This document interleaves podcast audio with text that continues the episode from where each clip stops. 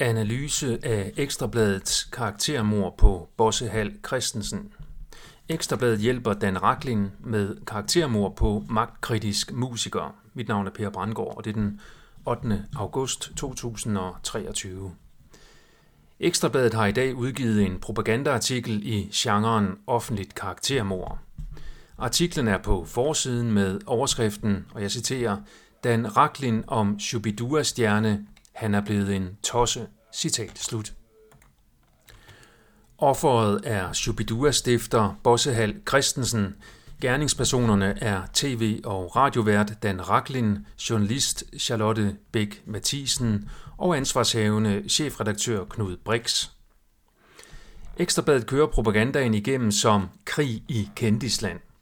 Det er Dan Raklins kritiske holdninger til Bossehal Christensens kritiske holdninger, der er vinklen på artiklen. Raklin mener således, at Bosse har, og jeg citerer, rabiate holdninger, citat slut, fordi han har ytret kritik af blandt andet corona og Ukraine, og muligheden for at trække krænkelseskortet per stedfortræder opstod så for alvor, da Bosse postede et billede af en hund, der lægger en lort på det ukrainske flag. Bosse forklarer selv i artiklen, at billedet med den skidende hund var satire, men Raklin og Ekstrabladet fortsætter alligevel med at hænge ham ud som tosse. Propagandaartiklens argumenter for hovedbudskabet om, at Bosse er tosset, består ud over Dan Raklins meninger i henvisning til, at Bosse blev smidt ud af Shubidua, da de andre bandmedlemmer gav ham valget mellem at være medlem af bandet eller en frihedsbevægelse, der mente, at corona ikke var så farligt, som myndighederne gjorde det til.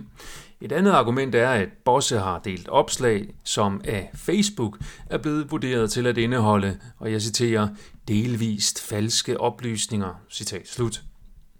Artiklen henviser også til andre opslag, der tydeligvis er satiriske for målgruppen, men som bliver taget grav alvorligt af Ekstrabladet.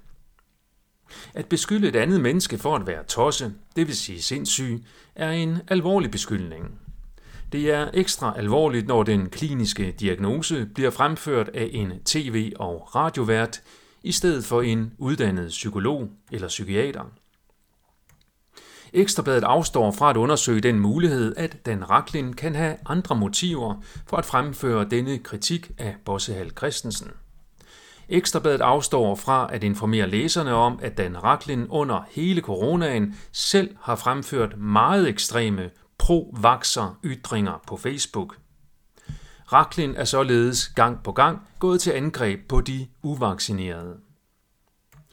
Ekstrabladet afstår også fra at forholde sig til, om der måske er noget sandhed i de opfattelser, som Bosse har, og som han absolut ikke er den eneste i Danmark, der har. Ekstrabladet lader i stedet en tv- og radiovært, tidligere bandmedlemmer og Facebooks censurpoliti være dommere. Der er solid dokumentation for, at Facebooks såkaldte faktatjek er stærkt påvirket af politiske og økonomiske særinteresser.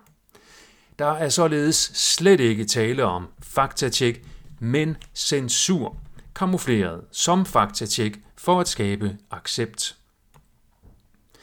Ekstrabladet havde engang et motto om, at de tør, hvor andre tiger. Deres motto nu er snarere, at de mangler modet, hvor de andre også mangler modet til at kritisere de magtbærende narrativer. Det er en trist udvikling, eller rettere afvikling, af det engang kritiske medie.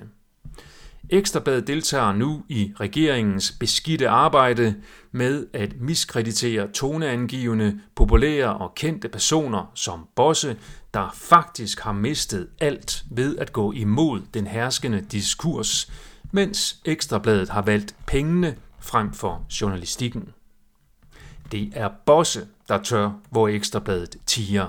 Skam jer, Ekstrabladet.